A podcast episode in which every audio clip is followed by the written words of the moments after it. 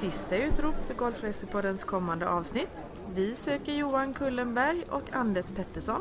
Vänligen vi är till studion omedelbart.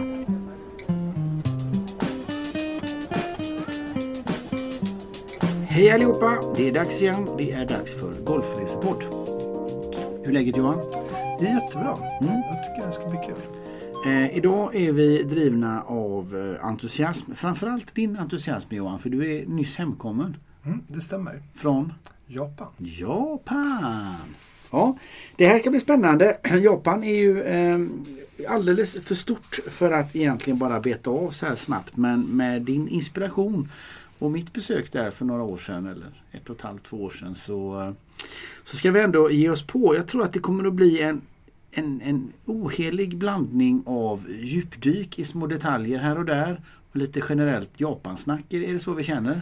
Eh, jag tror att vi, om vi åker till Japan igen, så Ja. skulle vi nog kunna göra Japan 2. Japan 2, ja precis. Ja. det blir bra.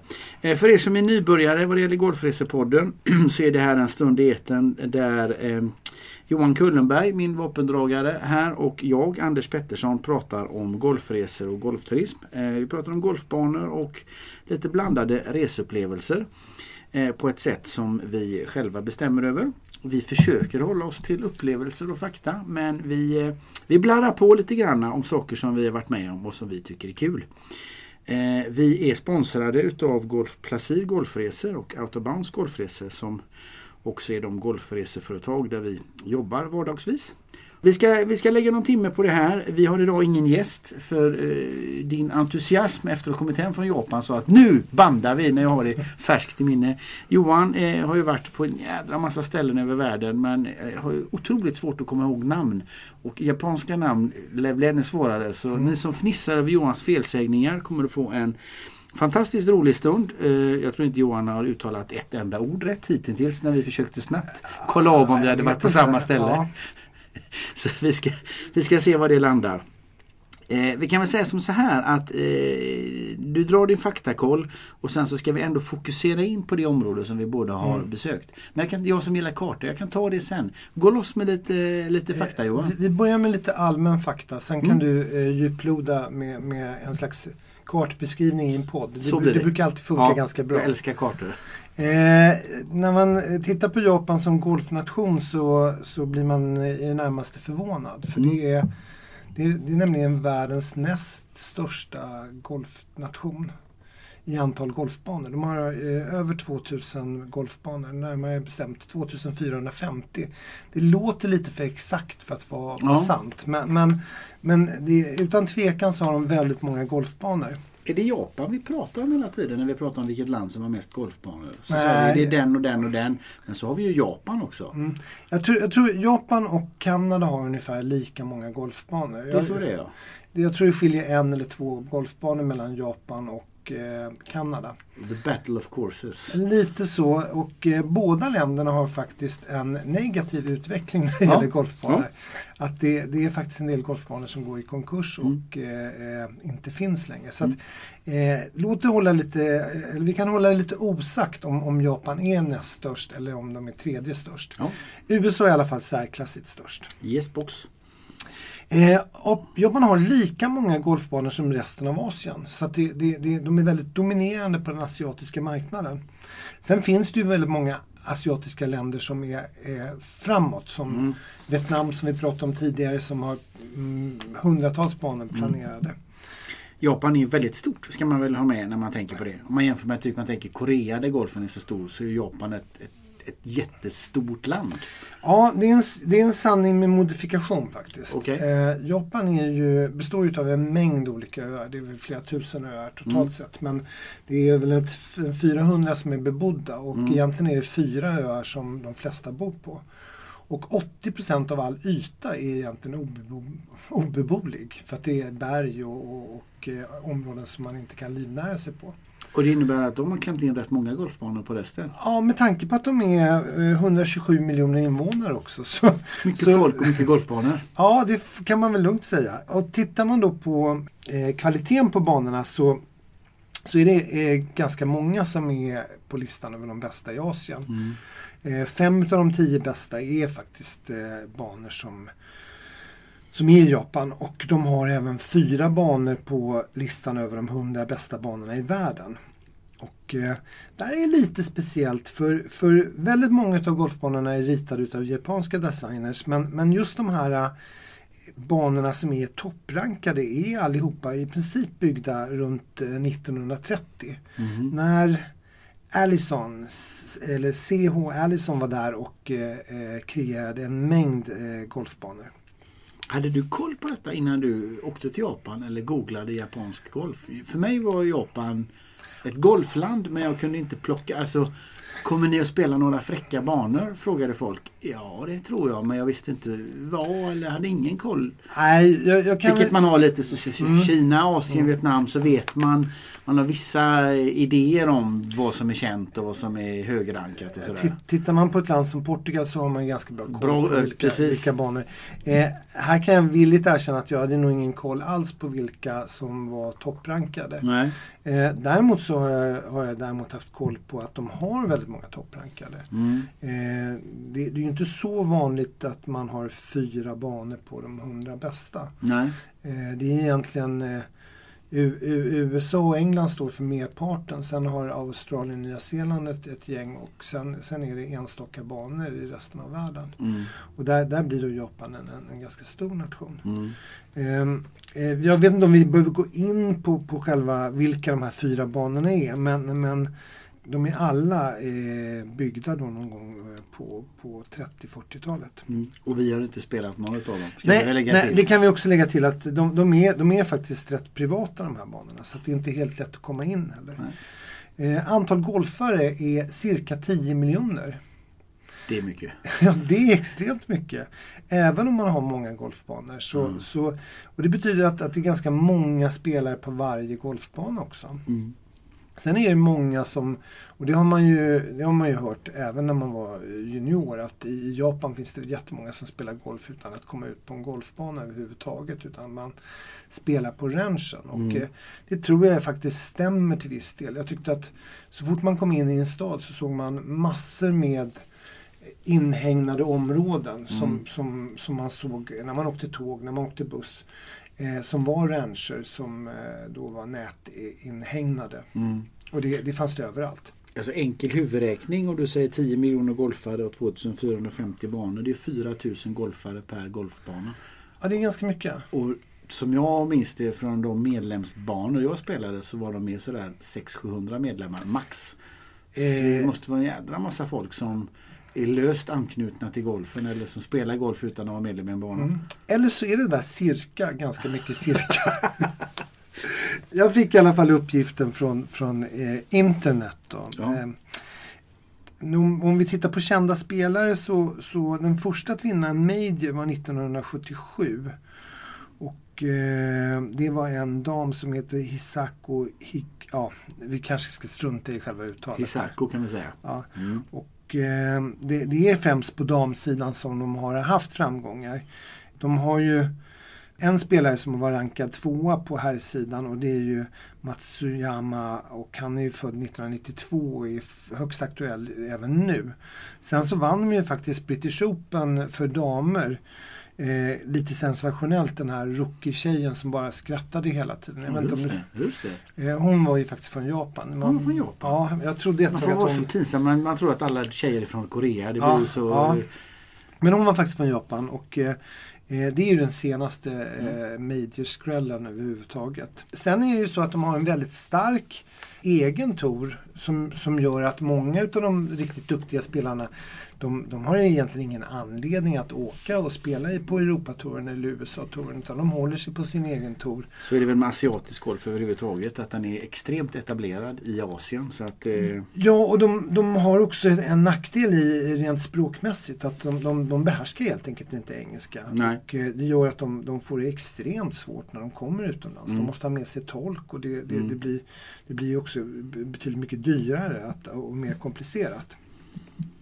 Om vi släpper lite, lite golfen där och går in lite på, på, på Japan som land så, så kallas det ju för soluppgångens land eller Mm. Nippon.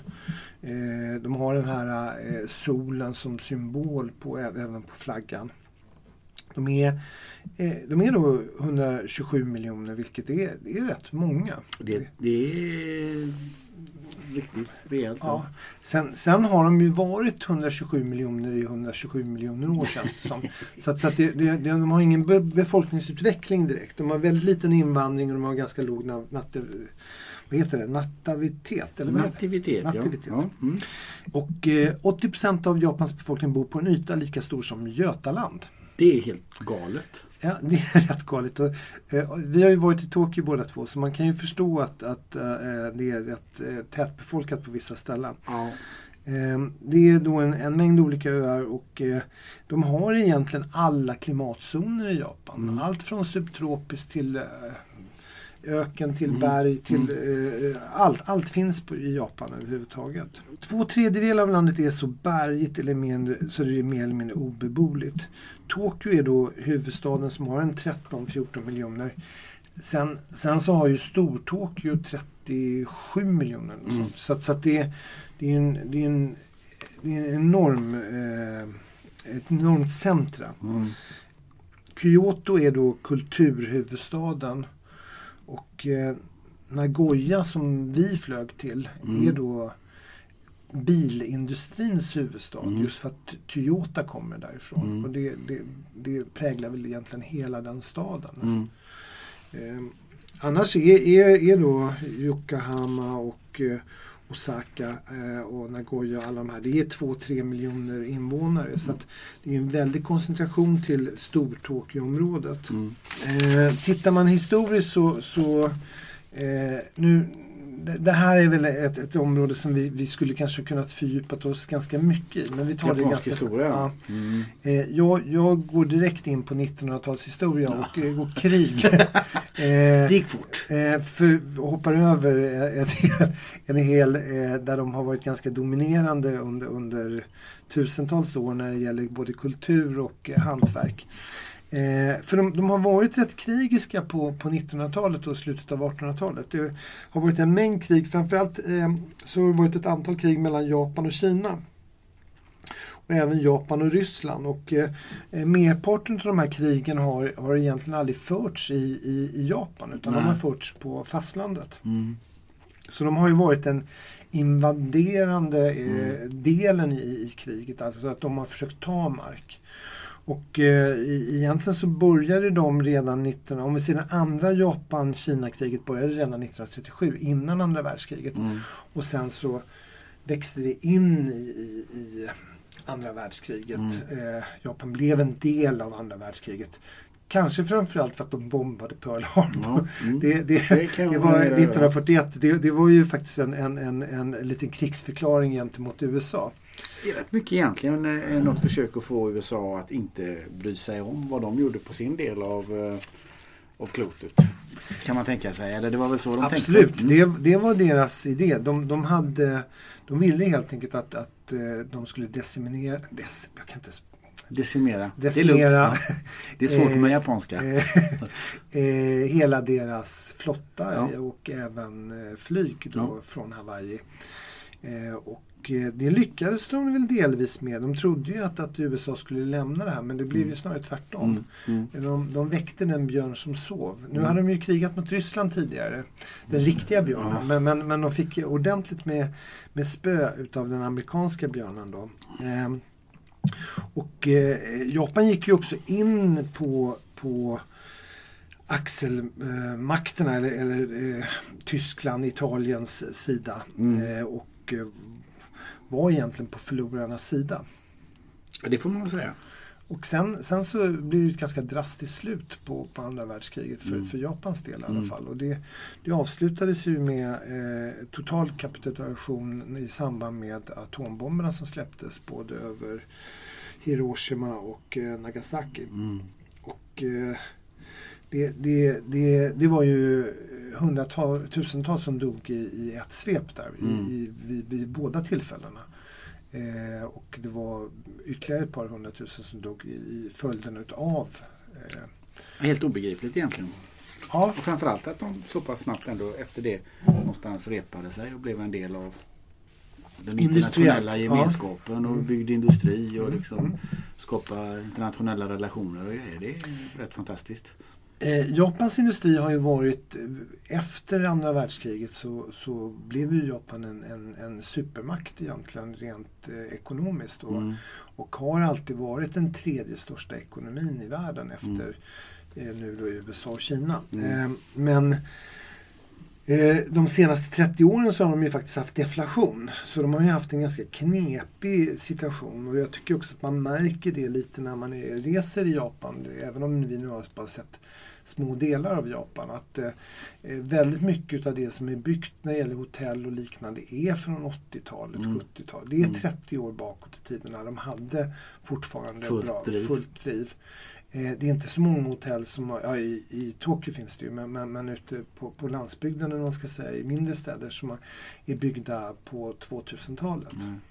Jag är lite så först ut med att ha någon form av, av produktionsindustri med internationella relationer. Sen helt plötsligt så kommer hela Asien Mm. invältrandes, inte minst då Kina med jävligt konkurrenskraftiga möjligheter Mm. att, att leverera och handelsutbyte.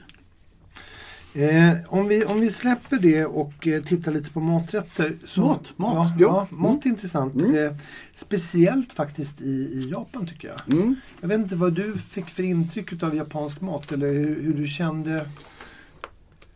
Ja, eh, jag, jag tycker den är bra. Jag tycker den är bra. Jag tycker den är, är, är spännande. Sen måste jag erkänna att det var mer variation än vad jag hade förväntat sig, eh, mig. Eh, man, man tänker ju liksom mycket på sushi och tempura och olika fiskgrejer och sådär men eh, jag tycker att vi fick väldigt mycket, väldigt mycket skaldjur som inte bara var friterade eller åt det hållet till utan rätt mycket färsk mat, Mm, fräsch mm. mat. Ja, absolut. Eh, Nu, nu, nu tror jag det japanska köket är, har, är, som symboliserar ju färsk, nästan rå mat. mm, Alltså med sushi Mm, i, mm. Som, som, där man egentligen tillagar det rått.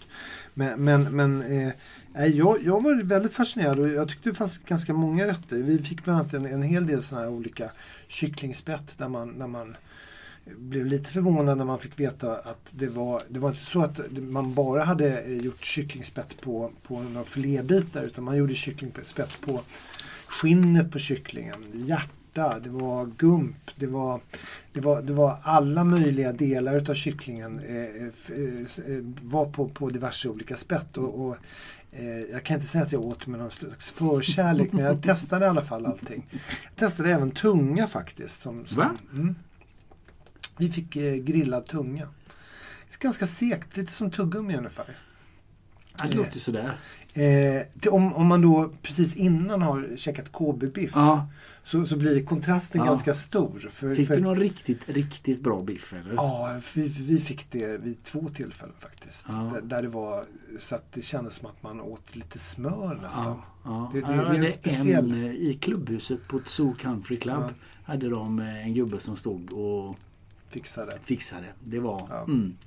Tittar man, alltså det, det finns ju även, även om Japan då har varit ganska isolerat som land och inte haft så många influenser från andra länder så eh, den här eh, nudelkycklingsoppan som eh, var väldigt populär i Vietnam som heter Po, den Mm. finns ju även i, i eh, japansk variant som, som jag tyckte man fick rätt ofta.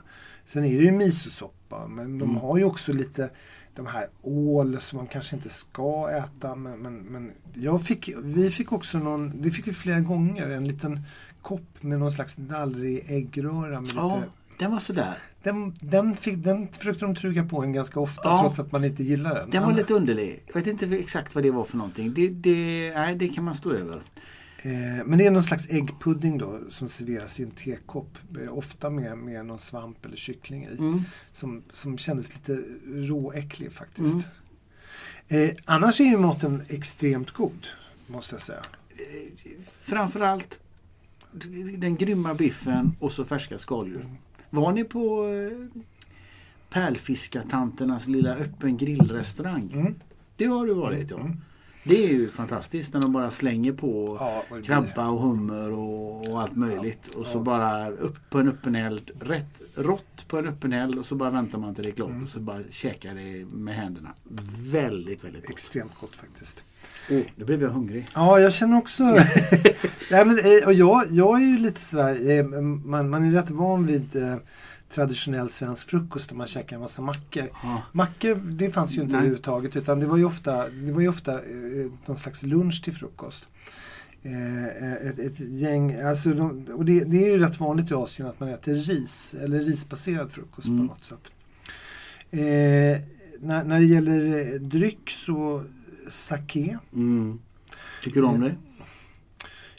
Ja, jag, jag tycker inte att det är så mycket sting i det egentligen. Jag kan Nej. tycka att det är ganska mjäkigt. Det, Mm. det, det håller väl en, en, en, en, eh, som man säger 15-16 16, procent. 17, ja Ja. Eh, smakar inte som snaps på något sätt. Det hugger inte av. Utan det är relativt milt. Eh, Det är, det är som lite starkare röd. ett, ett konstigt hembränt vin. Ja. Jag, jag försökte faktiskt klura ut om det fanns eh, årgångs eh, sake och sådana saker. Men, men det, det verkade inte finnas. Utan ofta så handlar det, hon var inte ens säker på att smaken blev så mycket bättre. Men, men dyrare, dyrare sake är, är då, då har man polerat riset fler gånger innan Okej. man går in i den här processen och skapar det. Den är väldigt mycket roligare när den är traditionellt serverad. Mm. Alltså när de tar en sån här tunna och dansar runt. Vi var på någon sån tillställning där, där det gjordes hela ceremonin. Man dansar runt tunnan ganska länge och sen så får den som är ålderman i sällskapet banka sönder locket med en stor hammare. Mm.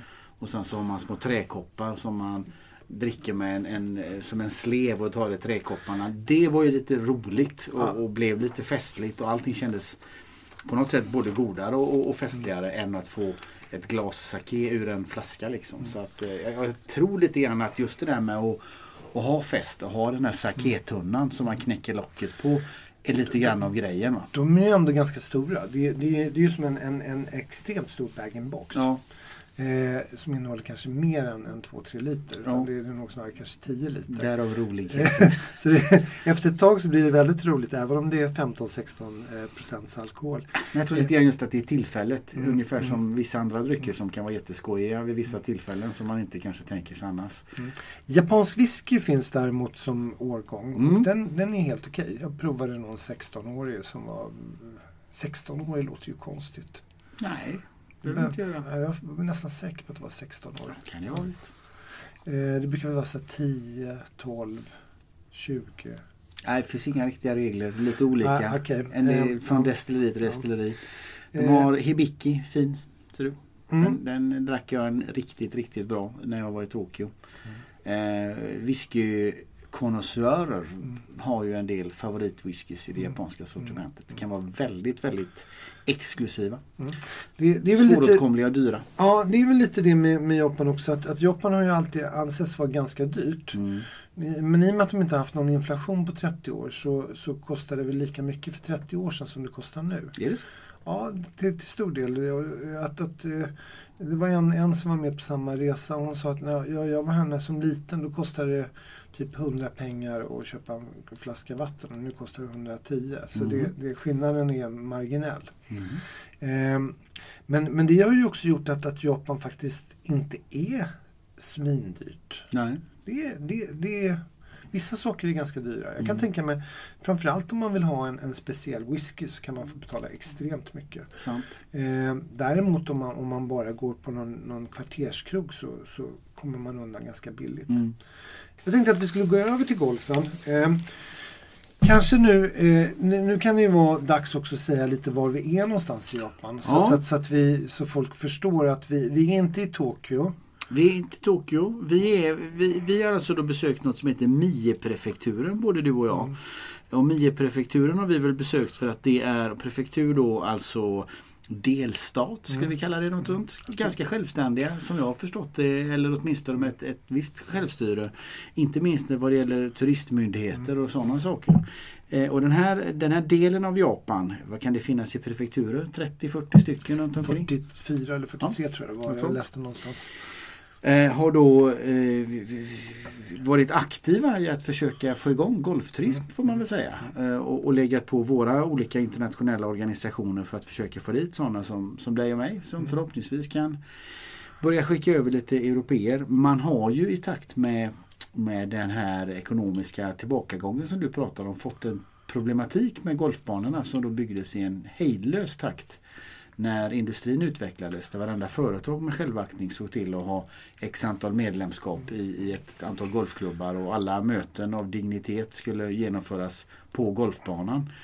Eh, och i takt med att det har trappats av lite grann så, så finns det rätt många golfbanor som du säger. De går i konkurs eller de eh, har de, lite de, svårigheter. De, har, de kämpar i alla fall. För, Ja. för, och och det, det handlar ju mycket med om, om eh, lite också det, det sätt som man spelar golf i Japan. Att det tar väldigt lång tid. Mm. Eh, och fler och fler företag anser att nej, vi kan inte lägga eh, 7-8 timmar på, Nej. på, eller en hel arbetsdag på golfbanan. Mm. Eh, och eh, då blir det också väldigt tydligt att de har en, en, de har en ganska hög beläggning på helger. Mm. Och vardagar är, är det egentligen ganska skruttigt med Mm. folk. Eh, men, men, men det här ligger egentligen mellan då eh, Osaka och eh, Tokyo. Eller vad ska Kan man säga. Eh, Nagoya som du sa är närmsta staden, då bilindustricentrumet. Och det är också en internationell flygplats i Nagoya. Eh, och eh, Nagoya är väl fjärde största staden så det, är, det är ingen liten stad så. Och, eh, men den ligger egentligen inte i Mie utan den ligger i regionen precis bredvid. Mm. Men men, men om, om vi nu, nu har vi konstaterat var vi är någonstans. Om vi då tittar på golfen så har de en, en mängd olika golfbanor. Alltså vi, vi, vi kan räkna ihop i, i, I och med att hela landet i sig har 2450 golfbanor så, så, så, så fanns det oräkneliga golfbanor även här. Mm. Eh, sen, sen har vi då spelat ett urval av dessa och vi har valt ut tre stycken som vi kommer att prata lite om. Och vi börjar med Zoo Country Club. Two Country Club. Mm. Eh, ska vi börja, eller, nu skulle vi börja prata om det men jag vill egentligen att vi, vi börjar med att berätta lite hur, hur det funkar när man kommer till en Mm. japansk golfklubb. För det är ganska intressant. Man, man börjar med att checka in och Ja. då, då checkar man verkligen in. Man Mm, skriver som in en hotellreception. Och man får också en liten bok som innehåller skårkort och eh, eh, på baksidan så, så finns det även ett litet fack för en nyckel då. Och så Mm. står det väldigt tydligt vad, vad man har för eh, locker number. Eller Mm. man säga. Man Eh, blir nummer 147 Ja. eller någonting och det är man hela dagen på klubben. Och det är ens kreditkort. Ja. Var man än kommer och ska köpa någonting så, så visar man upp eh, sitt, sin, sitt nummer och Mm. så, så antecknas det att man har tagit ranchbollar eller, eller att man har tagit en eh, läsk eller öl eller vad, vad man nu än har gjort. Och eh, sen ska man då checka ut Mm. innan man går därifrån. Men, men, men, men det, är, det, är det är några lite, lite speciella saker. Det, det är väl också det här att man, man på de flesta banorna så åker man bil. Mm. Och man åker fyra stycken i varje bil. Mm. Bara det. är lite konstigt. Ja. Så det är, det är ganska stora golfbilar. Ja. Sen i de flesta fall så går golfbilen av sig själv. Ja. Så att man, man behöver inte styra. Ratten är där mest bara för syns skull. Japp. Och man har en remote control så att, så att man, man kan trycka på stopp och start. Yes. Även när man inte är i bilen. Så att, Högst förvirrande. Ja, väldigt förvirrande. Och caddies är De damer. Närmare 100 år allihopa. Ofta lite äldre damer. All, allihopa med likadana kläder och likadana sådana här solhattar. Mm. Som springer fram och tillbaka mellan den här remote-styrda bilen och en själv. Mm. Förhoppningsvis med rätt klubba, oftast med fel. Ja, och eh, de pratar ingen engelska. Inte ett ord. Överhuvudtaget. Är ganska duktiga faktiskt på att ta ut eh, eh, puttlinjen. Ja, Men, men i övrigt totalt kassa. ja. Men, men det har ju lite med språket att göra. Eh, Jag tror säkert att de är eh, superduktiga. Men, men eh, sen, sen är redan efter kanske tre, tre eller fyra hål. Då stannar man för en tepaus. Mm. Och det, det kan ju kännas som att man inte riktigt har kommit igång riktigt. Men, Lite men, så, men- Men, men den, den är ju inte obligatorisk på något sätt. Så man kan ju faktiskt bara gå in och köpa lite vatten eller sånt. Men, Fast det kändes ganska obligatoriskt de rundor jag spelade. Det var liksom att man köper en, en eh, cola eller någonting till caddy-tanterna och sen så sätter man sig ner eh, och, och fikar lite grann. Eh, och när man, när man väl har då spelat nio hål, då tar man en rejäl paus. Mm. Och den är på dryga timmen. Då kommer man in och så får man en ny starttid. Ja. kommer fram någon barsk supertant, hon som är liksom chef för hela caddy-gänget. Och så rycker de skåkortet och så skriver de på så här 13.47 ska du gå ut nästa gång. Och sen så är det inget att snacka om. Då är det bara att gå och äta lunch. Och då, då kanske man förstår att, att de, de flesta banorna är så att man, man kommer in till klubbhuset efter nio hål. Och, eh, för, för det bygger ju hela systemet på.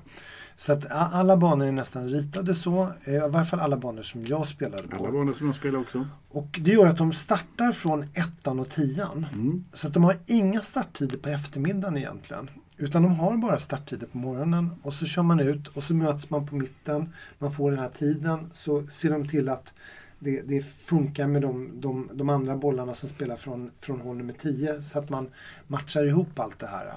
Så att en, en dryg timmes lunch Mm. och eh, då äter man ganska, alltså det, det är rejält. Ja, det är riktig lunch.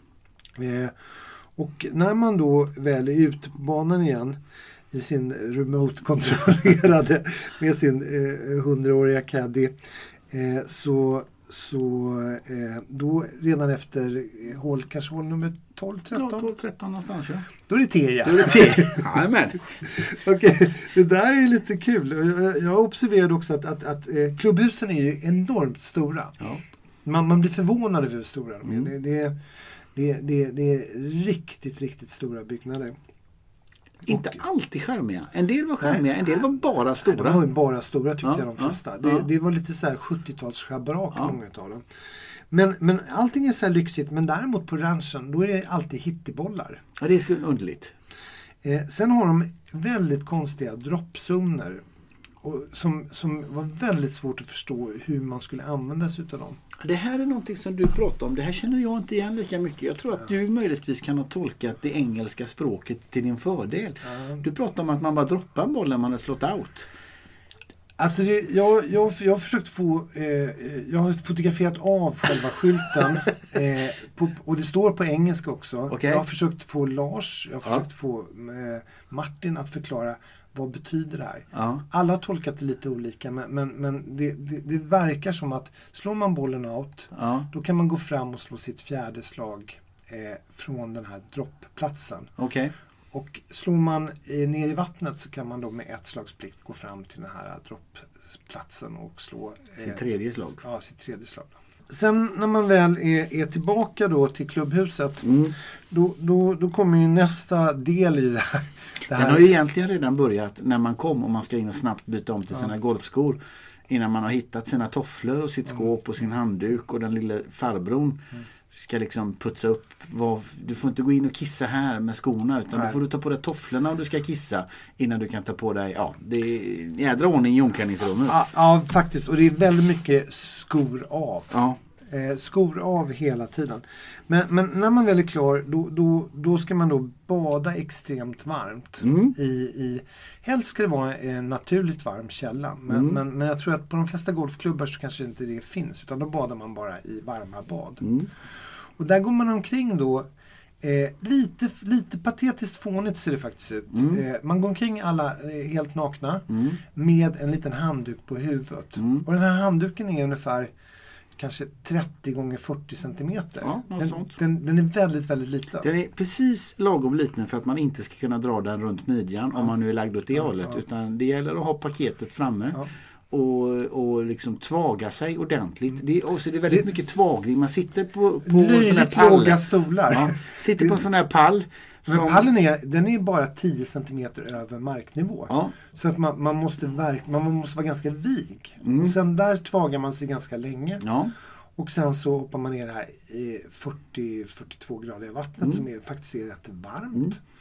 Eh, och har sin lilla, lilla Handduk på handduk på huvudet. Och sen, eh, jag har ju ganska, jag har ju ganska tjockt hår. Mm. Eh, för mig blir det väldigt svårt att överhuvudtaget bli torr med, med den lilla handduken, Mm. tjocka håret. och eh, eh, hur mycket vatten en handduk faktiskt kan absorbera utan att vara helt dyblöt. Så att jag, jag förstod aldrig riktigt, eh, riktigt poängen med det där. Men, men, Men handduken på huvudet har ju bara med renheten att göra. okej. Jo, så- alltså um, japansk eh, religion, alltså shin, eller man säger shintoismen som vi säkerligen ramlar in på förr eller senare under den här lilla sittningen. Eh, har ju väldigt mycket med naturen att göra men också med renlighet. Och eh, hela badritualen är ju en reningsritual. Inte bara för att man är svettig efter golfen utan för att det är Japan. Så du tvagar dig länge för att bli ren. Och när du har tvagat dig länge på, och suttit på den här pallen då är ju hela din kropp ren. Men handduken är inte ren. Och handduken får inte beröra vattnet. okej. Så att du, du ska ner naken i den här bassängen för att du är ren men din handduk är inte ren. Och då blir symboliken stor när du tar handduken, knyter ihop den och sätter den på huvudet för att den inte ska röra vid vattenytan. Då är det rening i det här badet. Så det är, det är därför man sitter med, med handduken på huvudet. Okej. Inte för att torka håret. Jag, jag Har du du uppenbarligen... suttit och torkat håret? Nej, men efter, efter jag väl har badat så, så någonstans måste man ju torka sig. Eh, jag kan ju ändå tycka att det är rätt intressant att man... man Det ser man, otroligt fjantigt ut, det kan Ja, vi vara överens. ja, Med, med 12 tjocka farbröder som sitter naken i en väldigt varm pool och stånkar med varsitt litet vitt bylte på huvudet. Det, det är fnissigt. Sen, sen checkar man till slut ut då från, från golfklubben och då har du ju faktiskt med alla de här pauserna. Om man då eh, inkluderar två tepauser, en timmas eh, dryg lunch Ja. och eh, eh, ganska lång tvagningsprocess. Ja, Och, otroligt mycket lull-lull Ja, i själva ja. omklädningsrummet. men men eh, jag gillade det. Jag, Ja, jag att- tyckte det var jag, jag, skitkul. jag tror att, men, men jag skulle nog bli ganska frustrerad om jag var proffsspelare. Ja. För det, det går ju åt ganska mycket tid till att, att inte spela golf. Men var det inte, alltså första dagen kände man sig lite fnissig snedstreck obekväm. Men sen när man var inne i det, då var det rätt skönt. Och man gick omkring i tofflorna och man badade lite. Och, Ja, nej, nej. Om vi går in på själva banan så är det en japansk designer. Eh, 80% av alla banorna är designade utav japaner. Den här är byggd 1990. Eh, känns väl eh, som en relativt sen bana då med tanke... Nej, det är 30 år tillbaka i tiden. Det är väl Mm. ungefär då de hade sin boom. In, innan, eh, vad man ska säga, de tappade då. Själva banan i sig, där, där får man väl säga att naturupplevelsen och faktiskt layouten mm, var fantastisk. mm, Jag, jag, jag, man var väldigt imponerad av de här kullarna som gjorde, gjorde hela upplevelsen, eller naturupplevelsen, någonting mm. väldigt speciellt. Det, det, det, det var, man, man har också svårt att se hur man skulle kunna eh, lägga ut den här banan i naturen för det var verkligen enorma nivåskillnader på, på vissa Mm. ställen. Mm. Ja, jag kommer ihåg klubbhusområdet lite grann. Har du några specifika minnen utifrån banan Johan? Eller? Ja, jag kan nog tycka att, att öppningshålet var, var ju ett ganska tufft smalt hål. Var det det? Jag, jag blandade ihop ettan och tian. Nerför lite svag dogleg höger. Ja, Mm. precis. Ganska lätt att hamna ute på vänsterkanten Mm. faktiskt. Mm. Men som tur var så var det en, en ganska väl placerad bunker som samlade upp bollarna så att man inte Mm. gick out i alla Mm. fall. Annars så tycker jag att, att, att de här hålen eh, där det var någon slags konstig stenmursformation var rätt intressant. Först en par femma. Sen så kommer efter det en, en, en väldigt fin par trea som, som jag tror är ganska klassisk för japanska banor. Även om vi nu sa att banorna Mm. kan se väldigt olika ut. Mm. Så eh, de verkar ha en förkärlek för en, en par trea med en, en ganska snyggt, eh, vad man ska säga, antingen slipers eller murad kant. En vattenhinder med Ja. en snygg kant. Ja, snygg kant. Det, det är ju i och för sig överallt men ja, okej. jo, ja. men, men, men jag tyckte man, man såg det på ganska många Mm. banor, i alla fall de som jag spelade, så hade de den här snyggkanten. Mm. Och, eh, eh, ja, jag har inget emot det. Nej. Jag, jag köper det gärna. Jag, ty, jag, tyckte, jag tyckte faktiskt att den här banan var väldigt, väldigt bra. Mm. Jag tyckte den var otroligt roligt spelad. Den Mm. var, var omväxlande, den var naturskön. Eh, det, det fanns en liten grej som jag retade mig på. Det var att bunkrarna var ganska djupa men de var helt platta i botten. Så att, Okej. så att när man väl landar i en bunker så, så ofta rullar man tillbaka in i mitten av bunkern. Men här rullar man fram i framkant. Okej. Mm. Och då hade man ofta ett, ett, ett ganska knepigt slag för att överhuvudtaget komma ur bunkern. Mm. Jag tyckte om eh, att den var så pass kuperad utan att man spelade allt för mycket uppför eller nerför. Det är alltid Ja. kul att spela kuperade banor där man har Det, kan vara, det var lite på skrå men det var en hel del hål där liksom du spelade en om på fyra på en nivå och sen så kom nästa tillbaka liksom 30 meter över som liksom nästan lite terrasskänsla. Det gillar jag. Det vill säga slår du bollen snett då blir det jättesvårt för den borta men håller du dig på din egen platå så är du hemma. Eh, vackert utan att vara liksom massa snea lägen och sådär. Det, det tycker jag om. Jag, jag tyckte fantastisk bana. Eh, Jag bodde ju också på själva banan. De har, fick göra det ja. de har ju ett litet, litet boende med jag tror det är 6-7 rum på sin höjd. Mm. Och där hade vi Med en, husen? Ja. Eller, ja. Och vi, jag bodde i eh, det fristående huset som har ett sån här hot tab då, det här Mm. varma badet. Eh, med panoramafönster ut mot 18. Mm. Alltså otroligt så här, minimalistiskt japanskt med Mm. massor med skjutdörrar och skjutfönster. Och, eh, det, det, det, det, där skulle jag kunna tänka mig att bo Mm. faktiskt. Eh, Zoo Country Club eh, kändes ju verkligen som en privatklubb och hade inte, det var ett otroligt trevligt klubbhus och en fantastisk klubbhusmiljö. Men det var inte det här stela 70-tals utan den var ju lite olika vinklar och vrår och nivåer. Som jag minns det så var deras eh, omklädningsrum en riktig varm källa eller åtminstone var det så det presenterades för oss. Och vi hade en middag där med mm, ägaren som var extremt engagerad i japansk golf och i, i den här turismorganisationen och alltihopa. Så de, de kändes ju väldigt, väldigt engagerade och väldigt golfiga. Alltså inte så mycket industri ex, utan... extre- extremt generösa. Ja. Jag tyckte det bara var hummer, det var öste in på det här grillbordet Mm, så, så var det rätt efter rätt och det kom fram eh, japansk whisky och det kom fram alla, alla möjliga sorter och, och viner som, som var fantastiskt goda. Så det, var, det, var, det var en trevlig miljö, vi hade supertrevligt och ja, det var allmänt, allmänt mys. Allmänt mys, ja. Ja. Ja, det var nog den av de banor som jag spelade, de klubbar som jag besökte som kändes mest som en medlemsklubb. Alltså, så det fanns en, en, en känsla eh, på anläggningen. Eh, vi, vi besökte också, nu kommer vi nog kanske lite in på den här Shinto-religionen eller vad man ska säga. Mm. För vi, jag tror att vi besökte samma tempel då. Mm. Och t- jag, jag, jag, hade, jag måste faktiskt säga att jag, jag förstod jag hade lite svårt att förstå det här med shrine. Det fanns ju en mängd olika shrine som, som det, var flera hundra olika storlek och dignitet verkade skifta. En del var efter vägen och en del var stora palats. Men, men det var heliga platser eller Mm. heliga områden. Mm. Eh, Alltså Iseshima National Park är en stor nationalpark Mm. med, med utkikstorn och vandringsleder och allt möjligt. Och i den ligger ju en av flera tempelområden kan man väl säga. Det finns ju lite varstans i Japan.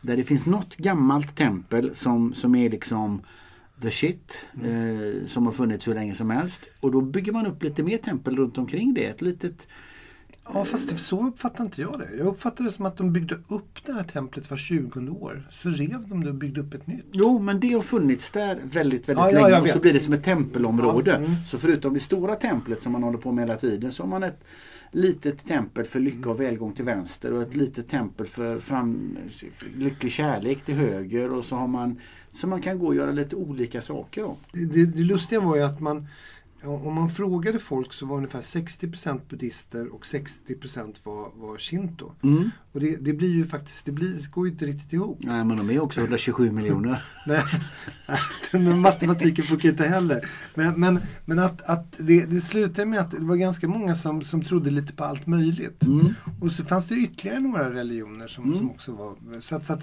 eh, det, det finns ett gäng där som har en tre, fyra olika religioner som de, de anammar då. Ja, jag gillar det stenhårt. Mm. Jag tyckte om det. Jag, det. Det är ju en, en naturreligion. Ja, mycket med den här renligheten som du pratade om tidigare. Mycket med renligheten. Väldigt, när man kom in i den här eh, parken med alla templen så var det en sån här eh, de hade lett in vatten så man Mm, skulle tvätta sig lite grann i pannan. Mycket med symboliken eh, med renlighet. Mycket med symboliken med, med naturen. Mm. Alltså du ska vårda naturen. My, mycket med symboliken med arven. Inte så nedtecknat som det är kanske i andra religioner men, men väldigt mycket att är du snäll mot träden så är träden snälla mot dig. Är du snäll mot berget så är berget snällt mot dig. Är du snäll mot dina vänner. Alltså eh, de här sunda, schyssta, goa grejerna. Och sen, det är ju buddhismen också. Ja, men den är ju ganska närbesläktad med buddhismen till viss ja, del. Jag tror ju också därför så att många anammar delar utav båda. Ja. Eh, I och med att det inte ligger så långt ifrån varandra. Det här är ju mer en naturreligion. eh, Då är buddhismen är liksom din religion medan shintoismen är din Ett livsstil och ditt Ja. ett sätt att anamma det japanska. Ja, Ett sätt att mm. beskriva den japanska ja, levnadssättet är väl bra. Mm. precis. Eh, Du var ju lite inne på den här lunchen som vi käkade, eller åt då, med de här kvinnliga dykarna. Och det är Tobo som är centralorten för, för, för de här Pärlfisken. pärlfiskare. Sen är det så att det, det finns närmare 2000 pärlfiskare i, i, och det är massor med olika områden i, i Japan där man håller på med det här traditionella pärlfisket. Det som var lite fascinerande var att snittåldern var 60 år. Ja. Och det var ju en del som var närmare 80 år Ja. som, som fortfarande dök. Och de dök med ett cyklop som kändes som det var från stenåldern. Det såg ut som en sån gasmask från andra världskriget. Ja, det tänkte inte jag så mycket på. Men, men, Det var men, det de hade. men och så hon- hade de långklänning när de ja, dök. Ja. Nu, nu, nu, det, var, det är egentligen den traditionella. Jag tror Ja. att du fick se den här uppvisningen. Ja. När jag pratade med, med en, en kille så sa de att de tyckte det var så himla skönt när de hade fått våtdräkten. Ja, okej. Eh, så numera så har, använder de våtdräkt när de, när de dyker Okej. eh, eh, som kommersiellt. Ja. Eh, men, men den här vita, eh, den har ju varit dels för att den skulle skydda mot haj, hajattacker Ja. av någon anledning. Och även då värma lite. Ja. Ja. Eh, för de, de, har, de dök ju, tidigare kunde de dyka kanske i, i 40 till 60 minuter på sin höjd för att Ja. det blev helt enkelt för kallt. Nu kunde de dyka upp till 90 minuter. Eh, eh, så, att, så att de är ganska ihärdiga men, men de är ju gamla som gatan alltså. Eh, En, en dam som hon hade precis slutat dyka, hon var 82 eller 83. Det är skönt att höra att de faktiskt har våtdräkter. Det var väldigt svårt att veta hur mycket det här var en uppvisning av någonting som är tradition som fortfarande existerar. Och hur mycket det var en sån show-off att de typ fnissade ihjäl sig när vi hade gått därifrån. Så de, haha, de gick också på det. Ja, det verkade... Det var, det var en, en, ett spännande litet eh, djupdykning i den, i den eh, japanska pärltraditionen. Ja. Otroligt vackra smycken. Mm, Inne i det där verkligen. museet. Ja, ja, ja, ja, ab- absolut. I, inte så jättebilligt faktiskt. Nej, det var det inte. Jag köpte inget. Nej, jag köpte inte heller någonting. Jag, jag, hade, jag hade liksom bespetsat mig att jag kanske skulle köpa någonting till eh, min, min sambo Lalli. Men, men, men så blev det inte. Det blev helt enkelt lite för dyrt. Eh, och då är en hel del av de här smyckena ju odlade också. Ja. Så, så det, det inte... De pilleduttar in en liten, liten bit ja. Den här processen. sten Ja, in i ett färdigt pärloyster. Och Ja. sen så får den ligga där och bli till en pärla. Helt otroligt. Mm. Ja. Eh, Äh, Ska vi dra en golfbana till då? Absolut. Eh, jag tycker vi går in på den här eh, Excellence Golf Club som också ligger en bit därifrån i Ise. Mm. Eh, också en japansk designer, eh, 1998. Eh, här är ju klubbhuset enormt stort. Mm. Här, det här var det ju riktigt, riktigt, riktigt stort. Mm. Och inte speciellt charmigt. Tyckte jag. Eller, Ja, både ja och nej. Det, den låg ju delvis över det här vattenhindret. Den var ju nästan i, i sjön. Om man tänkte att du hade byggt ett, ett läckert klubbhus i det. Du har alltså världens läckraste vattenhinder som, som inkorporerar ettan, tian, nian, arton. Och så har den som en ö, eller halvö blir det väl då, i det här vattenhindret. Och där lägger du upp den här kåken som ändå kändes som att komma in i ett shoppingcenter snarare än ett golfklubbhus. Ja, det var, det, någonting var konstigt i alla fall. Det, det, nu, nu, nu börjar jag blanda ihop klubbhusen lite för de är ju ganska stora allihopa. När du kom in rätt fram så var det tre olika receptioner på vänster sida. Och så var det en en, scen. och så en liten scen och sen så kom du fram till en kafeterieliknande Ja, ja, restaurang. Den, den, den var sämst. Den var sämst ja. För att vara en sån läcker miljö. Eh, Jag tror att Excellent Club är en kedja av golfklubbar som jag förstod det. OGM Excellent Club Mm. finns på ett antal olika ställen och är, är lite flashy vad det Mm. gäller sin moderna design. Eh, Helt annorlunda golfbana Mm. än, eh, än Zoo Country Club. Nej, helt annan natur som man har byggt banan på. Ja. Så det, var ju, det var ju mycket flackare. Eh, utan att vara flack på något sätt så var den, hade den ju områden med, med vatten. Det Ja. gör ju att med, med automatik blir lite plattare. Eh, Så kändes den lite stadium course på något sätt. ja, Var det inte verkligen. det? Lite mer amerikansk design i, i, i, någonstans. Eh, ja, jag, jag kan ju säga att jag tyckte den här banan var väldigt bra också. Ja. Eh, den, den hade framförallt några områden som, som verkligen var, var bra. Det var ju runt klubbhuset. Mm. Nian var ett riktigt bra golfhål med, med en liten ögrin. Och Mm. Eh, redan tvåan, trean var de par trea som gick rakt mot klubbhuset som blev lite så infinity trots Mm. att det inte var infinity. Mm. Mm. Ehm, ja, hur det nu kan vara infinity utan att vara infinity. Men, men Och sen var, en sjö till borta Ja, där man ja. vände på första nio. Ja precis, vad kan det ha varit? Det är 13 typ när, när man eh, Andra kunde nio. gena lite över vattnet. Och, Spelar några ja. fel ordning kanske. En sak som jag känner med sådana här stadiumbanor.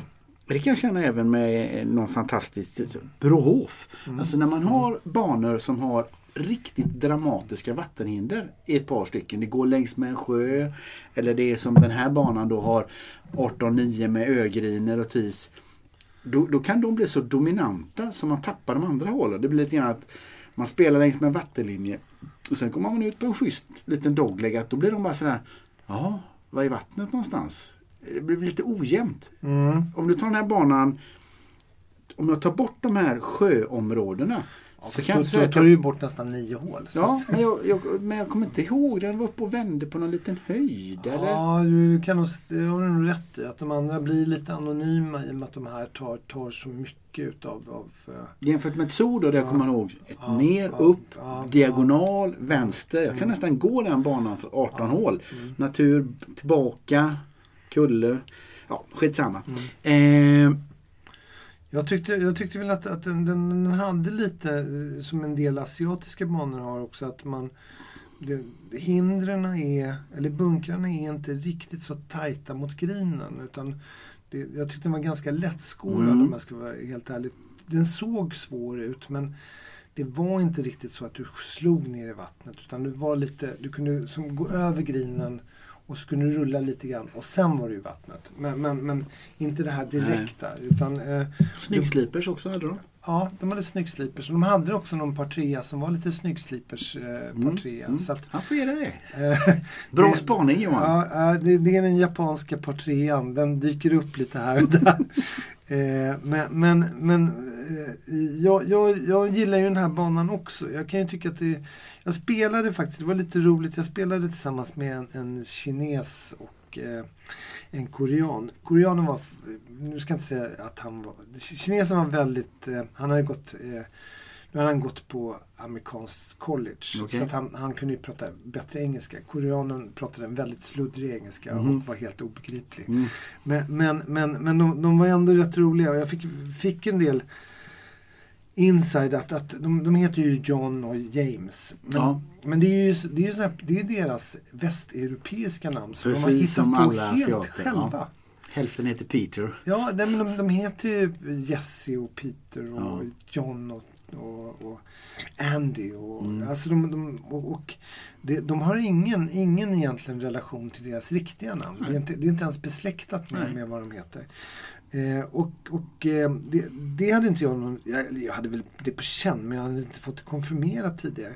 Sen hade de extremt dyr utrustning. Okej. Eh, han kinesen, han hade eh, de här, och det, där är japanska klubbmärken väldigt dyra.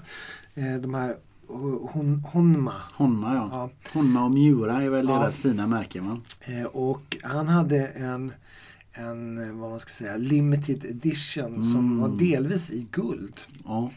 Men det var ju Honmas grej. Det var väl Honma som hade de här jättelätta skaften ett tag? Ja, det? skaften är ju det som delvis är dyrt i det här Ja. sammanhanget. Men just den här limited edition så kostade driven kostade 5 eller 6 tusen dollar. Då, då börjar det bli så här, men vänta. Varför? Men, men, men, och så försökte jag, som, jag tänkte de kanske har räknat lite fel och så här. Nej, nej, nej, det var det. Och eh, sen så upptäckte jag att hela hans set var limited edition. Så att, eh, jag tror att vi, vi pratar om eh, ett, ett, ett klubbset som kanske kostar 100 000. Mm. Eh, men men, det, men det, var, det var lite roligt att, att koreaner, de lagar aldrig nedslagsmärken. Och det, det har med att, att i Korea så är det alltid eh, olika damer, eh, nu låter det lite tråkigt att det är damer som Ja. går omkring, men, men som, som lagar, de har hand om två eller tre hål och går och lagar nedslagsmärkena hela tiden. Ah, Jag trodde att det var Caddy som gjorde det, men det är tydligen eh, extra, ytterligare en, en, en resurs. en grinlagaryrke. Ja, precis. Som ser till att grinerna... Så att de, de tänker inte ens på att det blir nedslagsmärken. Och eh, eh, han, eh, kinesen hade haft en kompis som spelade i USA för första gången och eh, spelade utan caddy. Mhm. Och när han var klar hade han bara sex klubbor kvar. för han hade aldrig varit med om att, att han hade bara lämnat klubban på griden eller vid, vid. Så det, han hade bara färre och färre klubbor hela tiden. Och enligt honom var det en sann historia. Jag sa att ja, men det är helt osannolikt. Men, men, men han sa att nej, det stämde. Eh, och de hade, de hade de här, alltså de, de spelar väldigt många golfbanor. Mm. Den ena var visserligen lite utav någon slags eh, journalist, men han spelade en, en 130 nya banor per år. Wow. Och den andra spelade en 100 banor och hade spelat 80 utav världens 100 bästa, vilket är rätt knepigt att komma ut på så många riktigt bra golfbanor faktiskt. Det där säger ju en del om att det, det är delvis det som kan göra det lite svårt för oss i våran bransch att skapa rimligt bra golfpaket på vissa ställen i Asien. För där det är väldigt bra golf, dit kommer det mycket koreaner. Och de, de prutar inte så mycket på greenfee. Så när vi kommer och säger att du, 2000 kronor rundan är lite dyrt om man ska vara en vecka så, så har de en hel radda med koreanska grupper som är på väg in. Liksom. Och i Korea så är det så att, att det går nästan inte att spela golf där. För det, det är för få banor i förhållande till så många som vi spelar. Så Mm. du kan inte få en starttid på en helg. Ja. Du får betala enorma summor.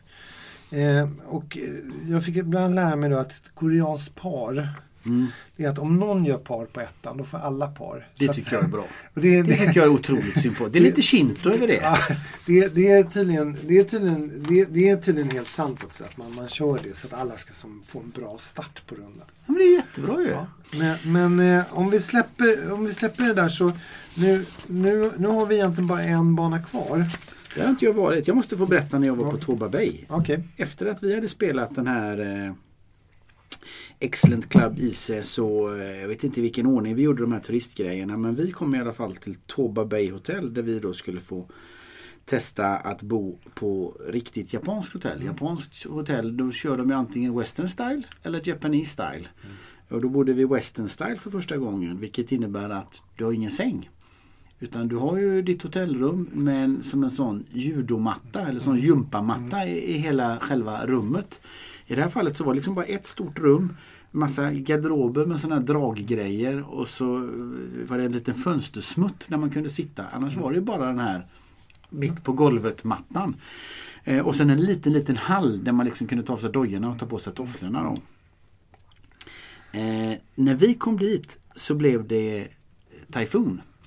Eh, alltså riktig sån typhoon alert. Så att alla mobiltelefoner pep på hela den här. Det var ju Typhoon, vad betyder det? alltså orkan fast Okej, eh, okej. Mm. den delen av världen.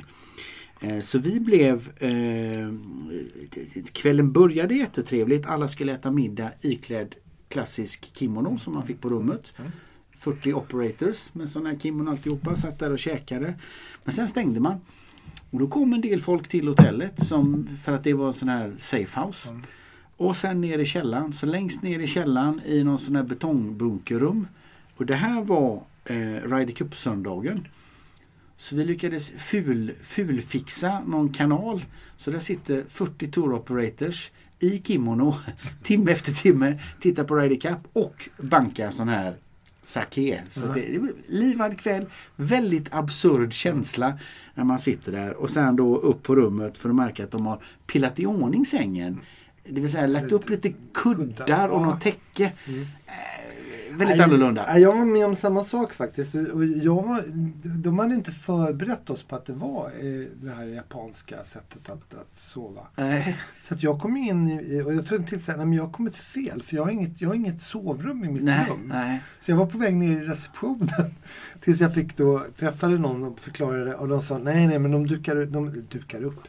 De bäddar upp på, på, på den här judomattan eller vad man ska kalla det. Ja. Du fick besöka inlandet. Ja, jag var uppe i? I Goji eller Gojo-området. Eh, och eh, det, det är ju då ett skidområde egentligen. Ja. Lite konstigt att man drar iväg en massa Golf Tour Operator upp i ett skidområde. Ja. Eh, Men då måste ni ha åkt mot Mount Fuji till Ja, viss del. För det ligger ju där någonstans. Det, det högsta berget här var på 3000 någonting meter. Så, så det var, det var ändå eh, nu var det inte snö, vi var ju där på sommartid så det var ju ingen snö faktiskt på topparna. Men, men, men eh, däremot så var ju vårt hotell hade ju en skidlift precis Ja. bredvid. Det är skidåkning på många ställen i Japan. Alltså Ja. Sapporo som är kändast, Ja. eller längre norrut. Ja, det är alltså, väldigt mycket längre norrut. 100 mil norr om, om Tokyo är de kändaste och dit man kanske åker. Men det finns ju skidåkning överallt, ungefär som i Europa. och de, de menade på att de faktiskt hade bättre snö än Sapporo. Okej. De hade ju, de, det, det var ju någonting som de skröt nästan lite med att de kunde inte göra snögubbar. För, Mm. att, för att snön var så, så pu- pudrig så att den gick inte att krama överhuvudtaget. Det här de var tvungna som folk som jobbar för turistmyndigheten. Eh, Så de var tvungna att använda vatten då och försöka som, och det blev is och det var jättesvårt att göra snögubbar som såg vettiga ut. Eh, eh, det, det var i alla fall deras historia. Men, Ja. men, men det, varför, varför, nu kunde vi ha valt att prata om, om, om någon av dina golfbanor men vi valde att prata om, om en av mina. Och lite för att jag ville göra det var för att eh, det, det var väldigt vackert där uppe i bergen. Mm. Det var en, en, en, en naturupplevelse i sig och vi hade också kommit in lite i hösten så att det var dels barrträd, det var lövträd som skiftade i massor med olika färger. Det var en, en, en extrem naturupplevelse att spela. Mm. Och jag spelade tillsammans med Mr Susan, Okej. Susan som var 78 år Okej. och hade varit Eh, han pratade lite begränsad engelska men hade med sig en, en, en, en jag vet inte, förstod aldrig om det var hans fru eller om det var någon tolk. tolk eller Ja. liknande. Eh, som eh, pratade väldigt bra engelska å andra Mm. sidan och var dessutom engelska lärare. Mm. Eh, men, men han hade då varit eh, eh, en av Japans bättre amatörsspelare Okej. eh, och spelat, om jag förstod det, eh, på touren i Japan då. Hur kom det sig att du spelade med, med Mr Tsutsan? Kan du förstått det? Nej, jag vet inte. Men det var väl nog för att jag var den bästa golfspelaren i vår grupp. Eh, och han, 78 år gammal, klippte till bollen så in i bomben. Okej. Och eh, hade en enorm känsla runt grinerna. Och det slutade med att vi, vi spelade en, en, en eh, eh, vad, heter det nu, greensam, foursam. Eh, Vartannat slag? Eh, nej, nej, precis. Nej, men att man slår ut allihopa. Eh, en scramble. nu hittar jag ordet. Ja. Scramble.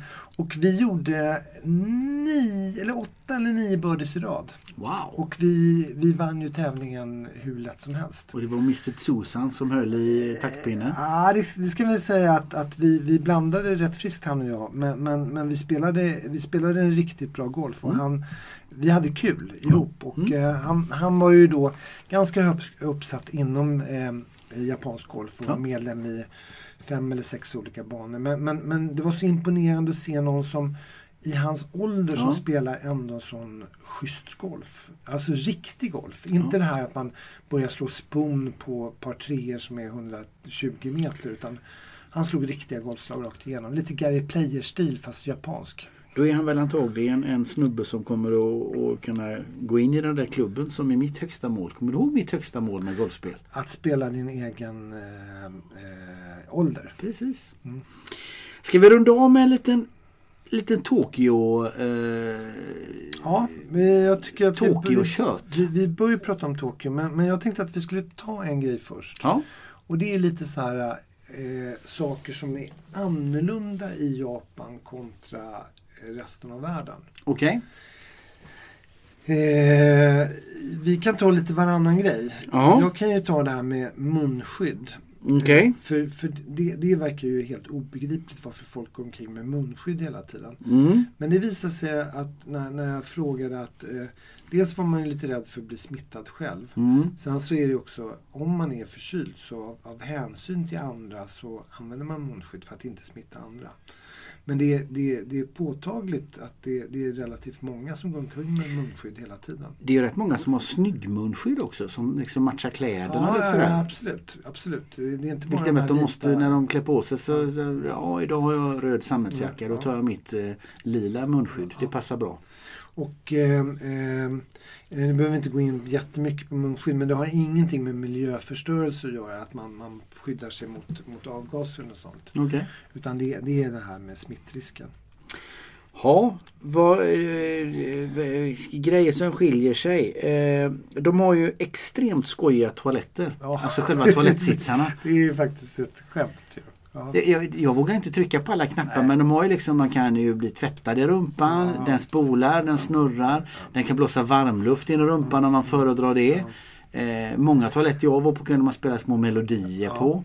Eh, jag hittade toaletter som, hade, som, hade liksom, som man tryckte på så det blev ett litet ljud som man skulle kunna dölja sin, ah, sin ljud. Alltså om man tycker att åh vad pinsamt, nu kommer det att låta. Så tryckte man på knappen så kom det liksom sådär bling, Så kunde man prutta loss utan att någon utanför förstod att man gjorde B. Eh, jag, kan, jag kan tycka att det som jag tyckte bäst om toaletterna var att, att sitsen var varm. Ja det är skönt. Det är skönt. Alla de här andra grejerna försökte faktiskt, jag, jag vågar inte tycka på någon av dem.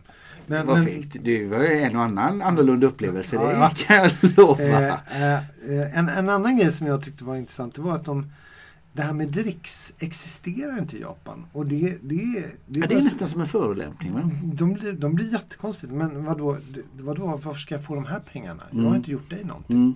Eller gjort någonting. Jag har ju bara gjort mitt jobb. Mm. Och, det, och det, det, är, det är någonting som verkligen... Eh, och det är samma sak när det gäller taxi eller vad man än mm. åker. Så, så, så, lämnar man helt enkelt inte dricks. Ja, vi hade nog någon restaurangupplevelse där någon kom efter bara Sir, sir, sir, you forgot your money. Ja.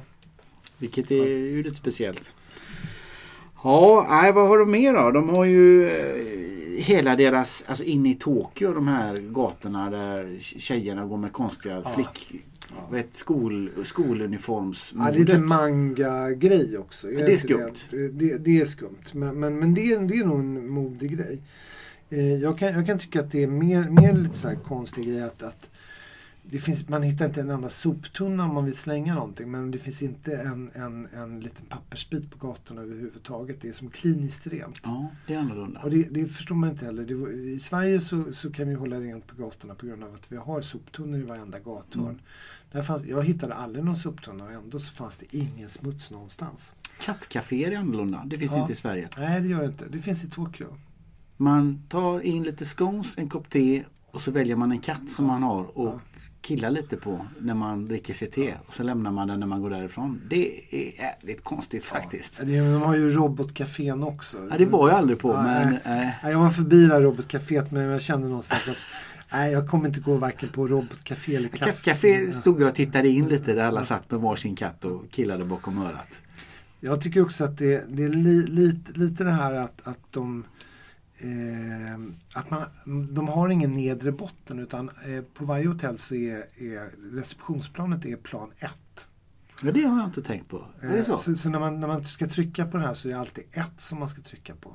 Ah. Om man ska komma ut. Och det, det, det känns det inte... Du var nere i källaren några gånger ja, jag och var lite kan jag tänka mig. och glömde bort och, och tryckte fel.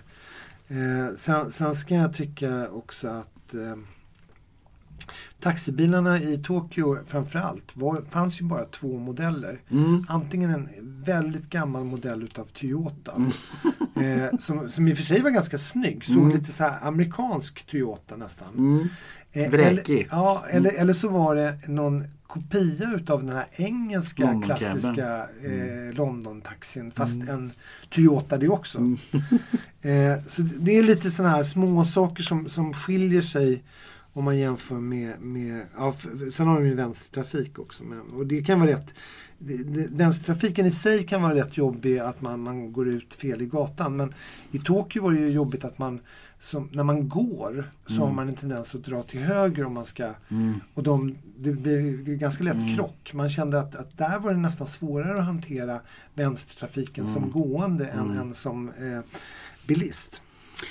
En sak som är, är, är, speciell det är ju deras tågåkande och deras extremt in, ska säga, etablerade tågnät. Alltifrån Shinkansen som tar folk över hela landet till tunnelbanan in i Tokyo. Och hur extremt uppstyrt den är. Liksom man kommer upp på perrongen och så finns det åtta röda pluppar som man ska stå i kö för att där stannar dörren så att man står i välordnade köer. Och ibland så är det röda pluppar och blå pluppar för tågen kommer så tätt så att man måste liksom kö upp.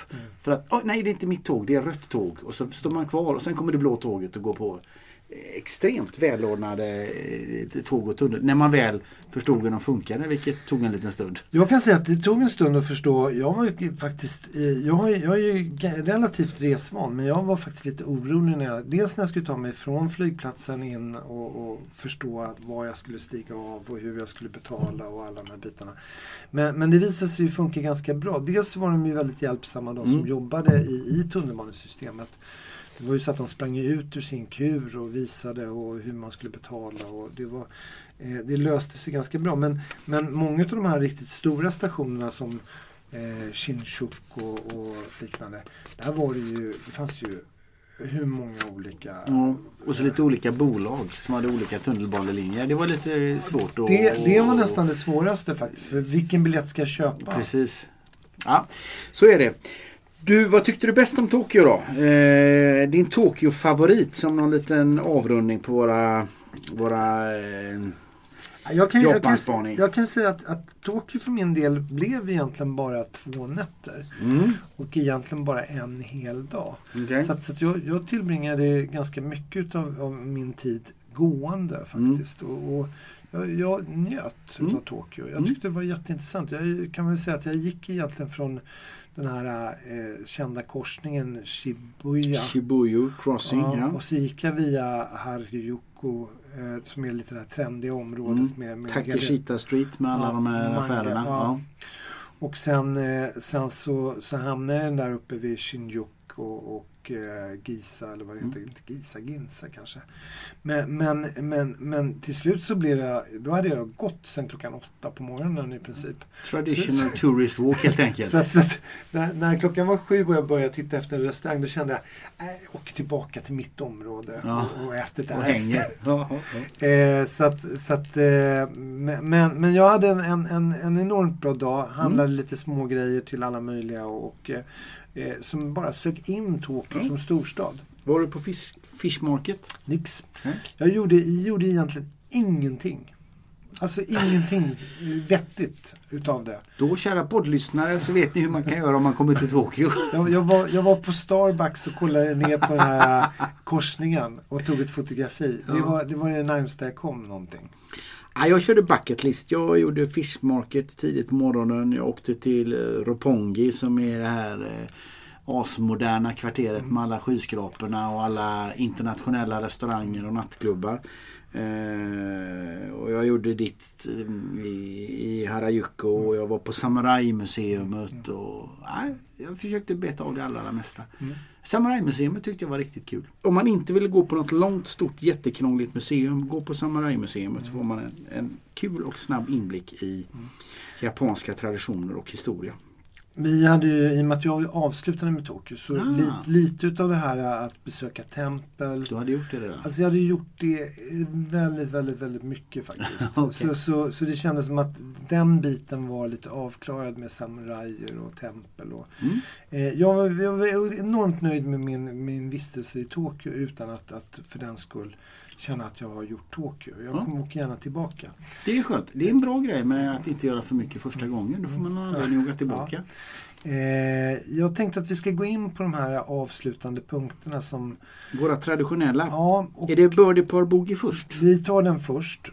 Vad bedömer vi nu? Bedömer vi Japan, upplevelsen eller är det golf? Det får ändå vara golfdestinationen Japan om vi ska ha någon form av röd tråd i det här poddandet. Ja, ja, det borde vara det. Men jag tror att min, min, min, mitt, min birdie som jag faktiskt kommer ge Ja, är väldigt mycket baserad på alla andra upplevelser. Att jag Okej. tyckte, tyckte att, att Japan var så annorlunda jämfört med andra länder som jag var besökt. mm.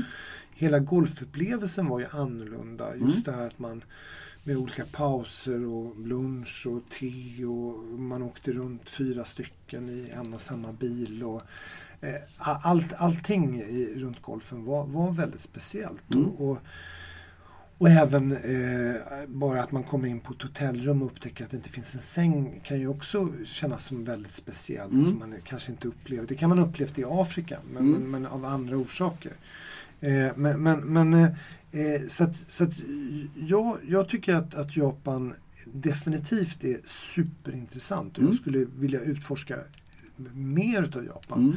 Jag, jag, även om jag nu inte är, jag vet att du är ganska skidintresserad Mm. och jag är lite mindre skidintresserad. Mm. Men jag blev ju lite sugen att prova på den här snön Ja. som inte, Går att krama. inte går att krama. Ja. Det vore ju underbart att åka pudersnö i Japan. Nej, det måste göras. Ja. Jag- Det är svårt att eh, komplettera din birdie par boogie analys där. Eh, På något sätt är det så att ett land som är så stort och har så stor variation eh, har ju allt. Alltså ska jag lägga någonting negativt i vårdskålen och göra det en, en, en, en birdie som inte är klockren mitt i koppen utan lite mer chip in så är det väl möjligtvis att det är så eh, svåröverskådligt. Eh, Det, det blir ju lite grann mer som att åka till Europa på golfsemester. Är Europa ett bra golfland? Ja det är det. Kanske. Eh, Det är det ju men det är ju rätt stor skillnad mellan Skottland och Costa del Sol och, eh, och Härjedalen. Inget fel på Härjedalen. Nej. Så att eh, där är väl svårigheten i Japan som golfland kan jag säga. Att, eh, vad ska man göra? Plus att det blir faktiskt ganska dyrt. Mm. Eh, Men vill man göra någonting som är riktigt annorlunda och man eh, är nyfiken på annorlunda kulturer Mm. så är det ju definitivt en upplevelse. Men, men, men därtill ska man väl säga att man åker inte till Japan bara för att spela golf. Man åker ju dit för att uppleva Japan och spela golf. Ja det får man nog säga. Om man inte har Eh, varit i Japan ja, väldigt ja, mycket ja, och ja, har ja, jättestor plånbok nej, nej, nej, nej. Och det, det, det präglar lite när du kommer över på tvilling. Det präglar min tvilling också. Jag, jag, har, jag har faktiskt funtat lite på alla möjliga konstiga tvillingar. Och så Mm. kom jag fram till en, en ganska konstig tvilling i alla fall. Ja, och vad är det då? Det är faktiskt Colombia. Och det, Mm. det låter ju som att Colombia och, och Japan är, det är så långt ifrån varandra man kan komma. Mm. Men, men det är ju också det som gör att det blir en tvilling. För när, när, när jag åkte till Colombia hade jag ingen aning om vad som väntade mig. Mm, okej. Jag kände lite så att, ja, Bogotá. Eh, Eh, vad kommer hända där? Kommer jag överleva? Alltså, det var snarare min frågeställning. Och lite samma sak i Japan. Jag, jag hade liksom ingen koll på eh, hur kommer det funka? Kommer folk förstå mig? Kommer jag kunna ta mig via tunnelbanan in till från flygplatserna? Alltså, Det är en intressant tvillingspaning. För det är inte så att Colombia och Japan är speciellt likt. Det Nej. är bara att du inte visste om det. nej, nej, precis. Ja, ja, kan- Colombia är väldigt likt Japan för jag visste ingenting om det. Därmed är de lika. Ja, jag måste säga, Nej, jag jag måste säga att logiken där är, det här är nog min sämsta tvilling någonsin. Jag älskar den. Eh, jag tänkte dra Kina och det har ju inte kanske så mycket med mitt synsätt att göra och mitt epicentrum här i, i världen utan mer att jag tycker att de två har ju genom alla tider varit någon form av tvillingsjälar även om de har nu har varit i De har ju strid krigat jämt. ganska hårt. Ja, precis. ja. Och sen så tycker jag då att mångfalden finns där någonstans. Nu har jag ju inte spelat golf över hela Kina kan jag erkänna. Men jag tänker mig att Mission Hills, Mm. ett, ett golfmecka kuperat. Och så ner till Hainan Mm. som är lite grann som södra Japan, lite Hawaii-stuk. Eh, uppe i norra Ja. Kina, Mm. vandring, skidåkning, bergs, alltså eh, den biten.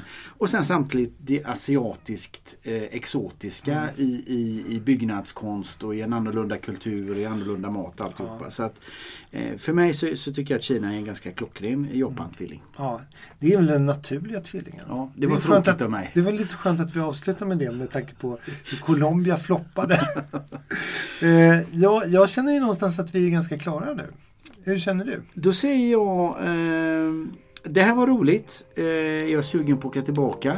Eh, som vanligt känns det som att vi har rört till det en aning. Ja. Men det är det här det går ut på. Mm. Eh, hoppas att vi får eh, komma på återhörande snart igen. Att vi kan få banda något nytt. Tack för den här gången Johan. Tack själv. Hej då! Hej då!